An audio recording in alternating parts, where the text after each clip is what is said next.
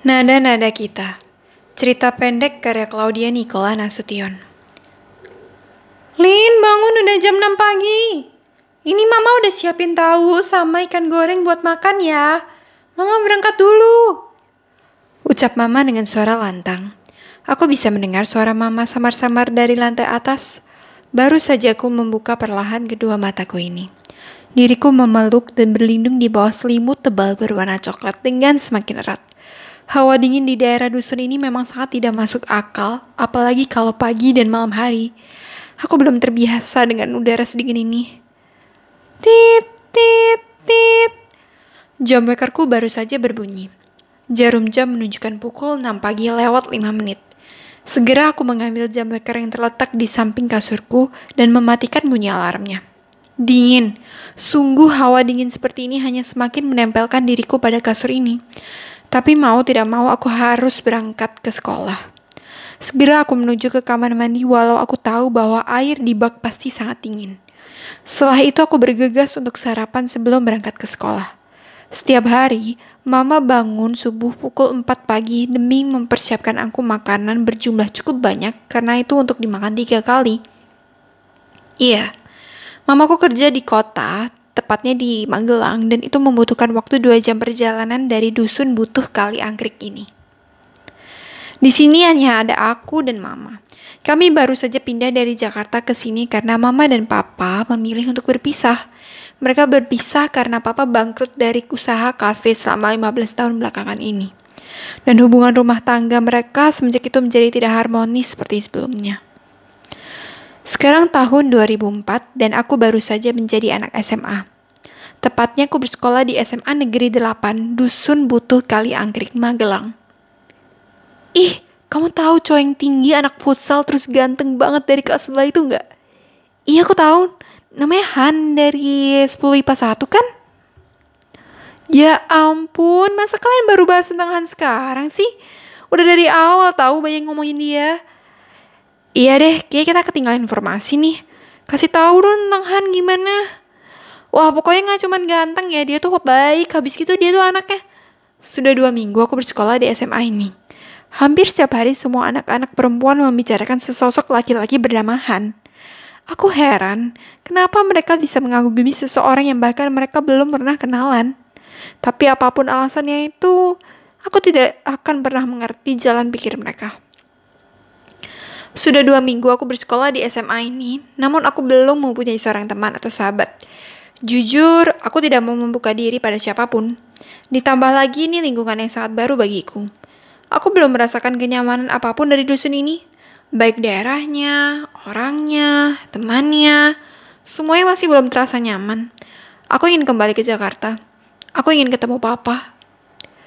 Hari ini terdapat mata pelajaran bahasa daerah mata pelajaran yang paling aku tidak suka.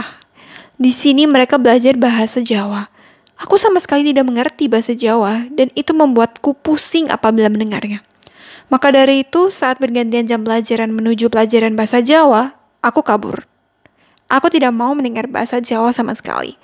Aku pun mengambil buku musik piano yang ada di dalam tas kuningku dan perlahan-lahan keluar kelas saat semua teman sekelasku masih gaduh akan tugas matematika yang akan dikumpul nanti siang. Kalau masalah tugas matematika sih aku udah selesai dari kemarin malam. Karena itu salah satu mata pelajaran favoritku. Di lorong kelas yang sepi aku pun berjalan dengan pelan sambil membaca buku musik piano itu di depan mataku. Aku suka membaca notasi-notasi balok itu agar nanti kalau aku udah sampai rumah aku bisa langsung memainkannya dengan lancar. Tanpa sadar aku menabrak seseorang dan kakiku tergelincir sehingga aku jatuh di dekapannya dan aku memeluknya karena aku tahu bahwa sedikit lagi aku akan jatuh ke lantai. Ia pun menangkapku di pelukannya. Aku sangat kaget. Eh, uh, uh, ma maaf, maaf. Ucapku sambil menundukkan kepalaku ke bawah dan mengambil bukuku yang jatuh. Ini buku piano. Tanyanya sambil membantuku mengambil buku itu. Iya, ini buku musik piano. Jawabku yang masih belum berani melihat matanya. Emang kalau baca notasi kayak ginian, kamu bisa dengar suara pianonya gitu? Iya, bisa. Oh, keren juga. Iya, maaf banget ya tadi aku nggak lihat kamu ada di tengah jalan. Iya, lain kali jangan nutupin pandanganmu pakai buku kalau lagi jalan. Ya aku minta maaf ya, gak akan aku ulangin. Jawabku sambil melihat wajahnya. Ternyata dia Han yang terkenal itu. Aku maaf. Belum sempat ia selesaikan pembicaraannya, aku segera lari menjauh dari dirinya. Aku harus lari karena segerombolan perempuan di, di ujung jalan mulai melihat diriku yang berinteraksi dengan Han. Aku tidak mau punya urusan dengan perempuan-perempuan itu hanya karena aku berbicara dengan Han. Mau tak mau, aku memutari sekolah agar bisa menjauh dari Han dan segerombolan perempuan itu. Dengan berat hati, aku memutuskan untuk kembali ke kelas. Lebih baik aku mendengar pelajaran bahasa Jawa daripada bertemu dengan segerombolan cewek berisik itu. Tak terasa bel pulang sekolah sudah berbunyi dan aku segera merapikan buku dan memasukkannya ke dalam tas kuningku. Aku bergegas pulang. Rumahku sangat dekat dengan sekolah ini, jadi setiap hari aku hanya berjalan kaki. Cukup dengan waktu lima menit, aku sudah sampai ke rumah. Seperti biasa, aku sendirian di rumah dari siang hingga malam. Mama biasa baru sampai rumah pukul 8 atau 9 malam. Kalau mengenai hal ini, aku cukup nyaman dan sudah terbiasa. Nyaman karena aku bisa melakukan segala hal seorang diri di rumah ini. Setelah mengganti pakaianku dan makan siang, aku duduk di depan piano dan mulai bermain beberapa lagu. Piano ini sudah ada bersamaku sejak aku lahir. Mama dulu seorang pemain piano yang handal, sehingga ia mengajariku cara bermain piano dari aku yang masih berusia tiga tahun. Dari situlah aku mulai mencintai piano hingga saat pindah ke dusun ini, aku meminta mamaku agar ia tetap membawa piano ini ke dusun ini. Aku biasa memulai dari bermain lagu klasik karangan Mozart dan Beethoven. Lagu-lagu dari kedua tokoh inilah yang paling aku gemari. Lagu-lagu mereka tuh sangat rapi, klasik, elegan, dan menenangkan hati. Tok, tok, tok. Aneh, kenapa ada seseorang yang membunyikan gembok pagar rumahku? Apakah ia kenalan mama? Atau siapa? Aku tidak tahu, namun aku segera mengambil kunci pagar dan membuka pintu utama. Ya? Tanyaku dari ambang pintu utama ke arah pagar. Oh, jadi kamu yang tadi pagi meninggalkanku saat aku belum selesai bicara? Hah? Iya ya. Tanyaku pura-pura lupa karena aku tahu dia Han. Ya ampun, kamu lupa sama aku. Eh, uh, enggak kok aku iya, aku ingat uh, jawabku sambil berjalan menuju pagar.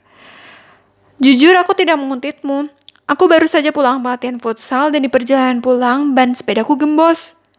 Tadi di perjalanan aku mendengar ada suara piano. Karena penasaran, aku deketin rumahmu buat lihat siapa yang main. Eh, dari jendelamu itu kelihatan kalau kamu lagi main piano. Um, kamu punya pompa sepeda kan? Ah iya, aku punya kok. Jawabku sambil membukakan pagar. Aku boleh pinjam? Iya nggak masalah kok, tunggu sebentar ya, aku ambilkan pompa di gudang belakang rumah. Jawabku yang langsung bergegas ke gudang belakang rumah. Aku memang memiliki pompa sepeda karena dahulu aku sering bersepeda di Jakarta. Tapi sepeda itu sudah dijual. Kata mama sih, ia mau membelikan aku yang baru. Nih pompanya, ucapku sambil memberikan pompa itu kepada Han. Iya, makasih ya. Oh, iya, kita belum kenalan. Aku Han. Oh iya, aku Orlin.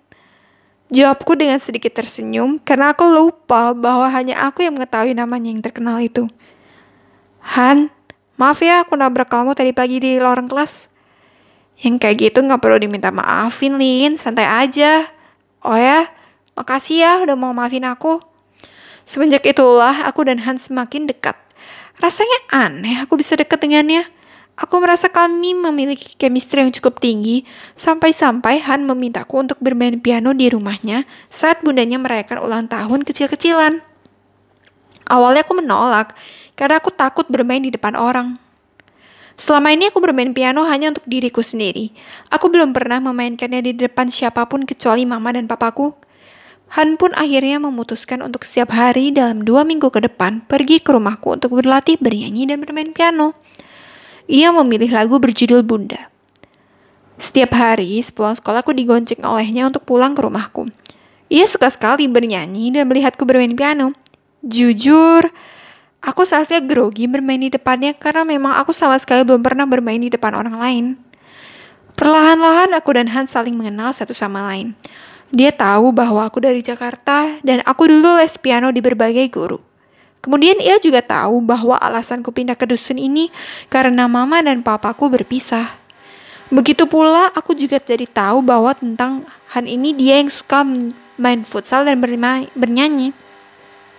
Aku juga tahu kalau sahabatnya dia itu namanya Satria dan mereka sering sekali bertengkar hanya karena hal kecil. Tak tahu mengapa, tapi saat berbicara dengannya duniaku menjadi cerah. Han yang punya banyak lelucon tak masuk akal selalu mampu membuat diriku tertawa terbahak-bahak. Sampai hari H ulang tahun bundanya pun aku merasa senang. Senang karena keluarga Han sangat ramah dan menyambutku dengan hangat. Penampilanku dengan Han pun sangat dikagumi oleh keluarganya. Perasaanku saat itu campur aduk.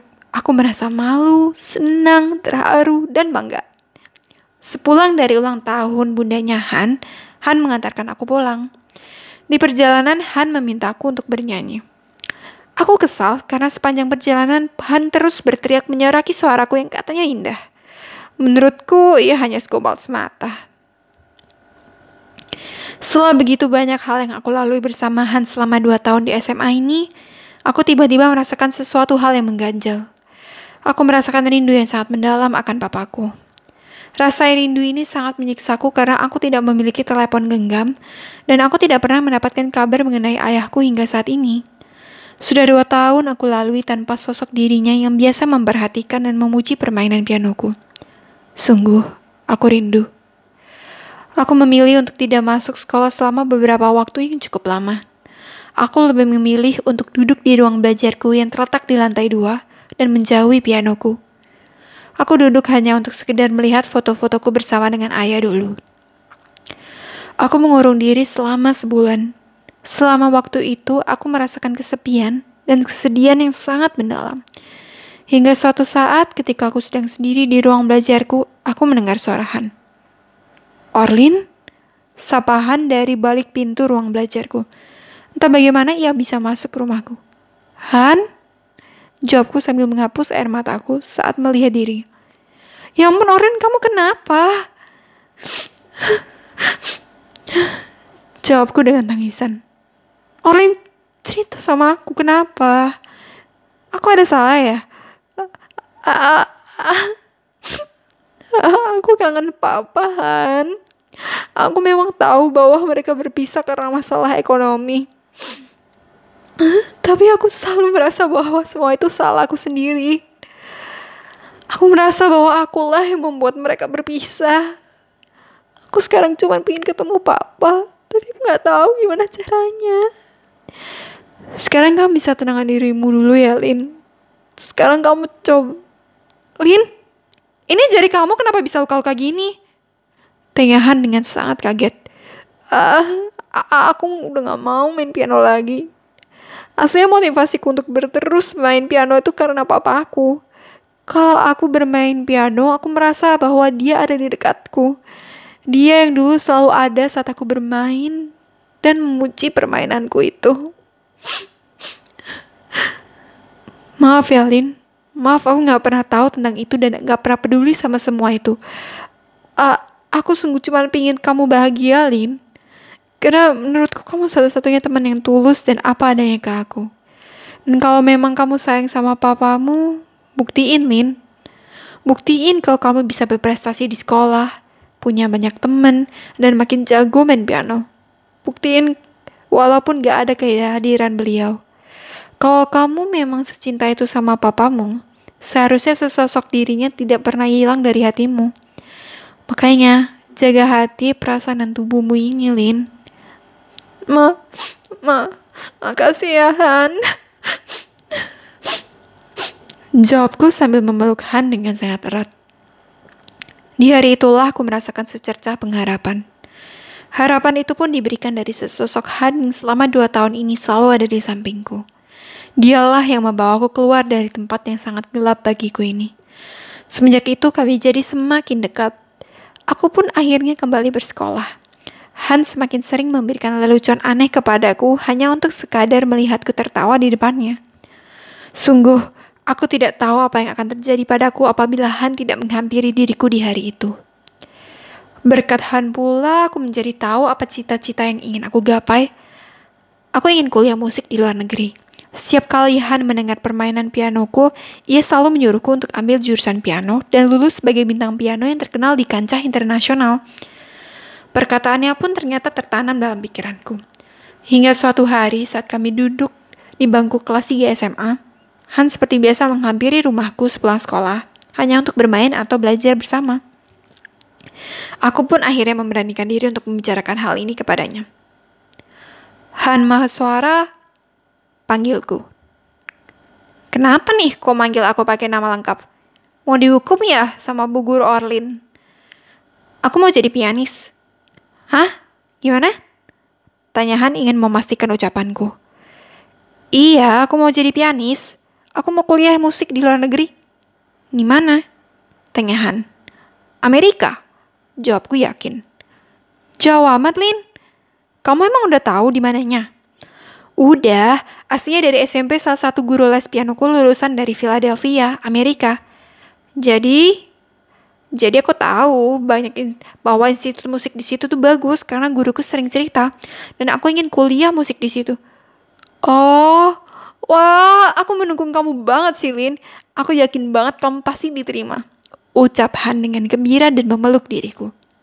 Pada bulan Maret 2007, aku bersama mamaku berangkat ke Singapura untuk mengikuti audisi di sana.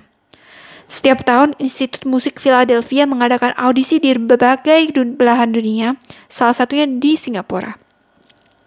Saat audisi pun datang, tangan dan kakiku bergetar saking takutnya.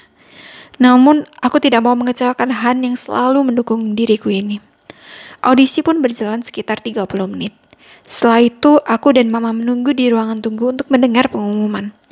Sekitar satu jam kemudian, aku mendapat pengumuman bahwa aku diterima dengan beasiswa penuh di Institut Musik Philadelphia. Mama langsung memelukku dan kami menangis bahagia bersama.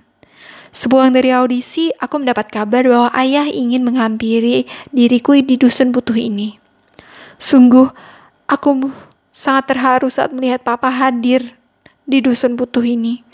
Aku sungguh merindukan papa.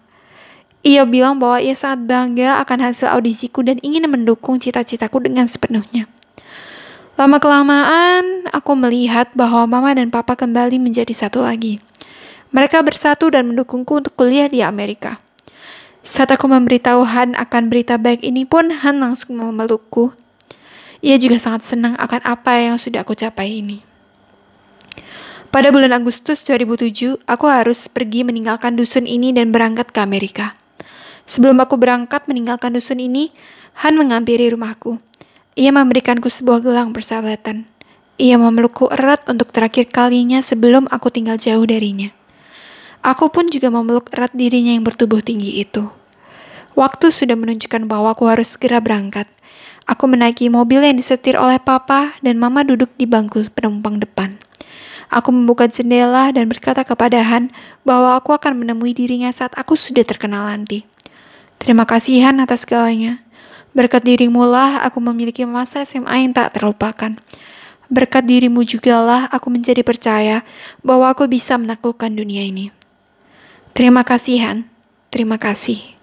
Sungguh, aku akan sangat merindukanmu. Sungguh, aku akan menempati segala janjiku kepadamu seusai aku menempuh perkuliahan musik ini. Sungguh, kau adalah hal terbaik yang pernah terjadi dalam hidupku ini.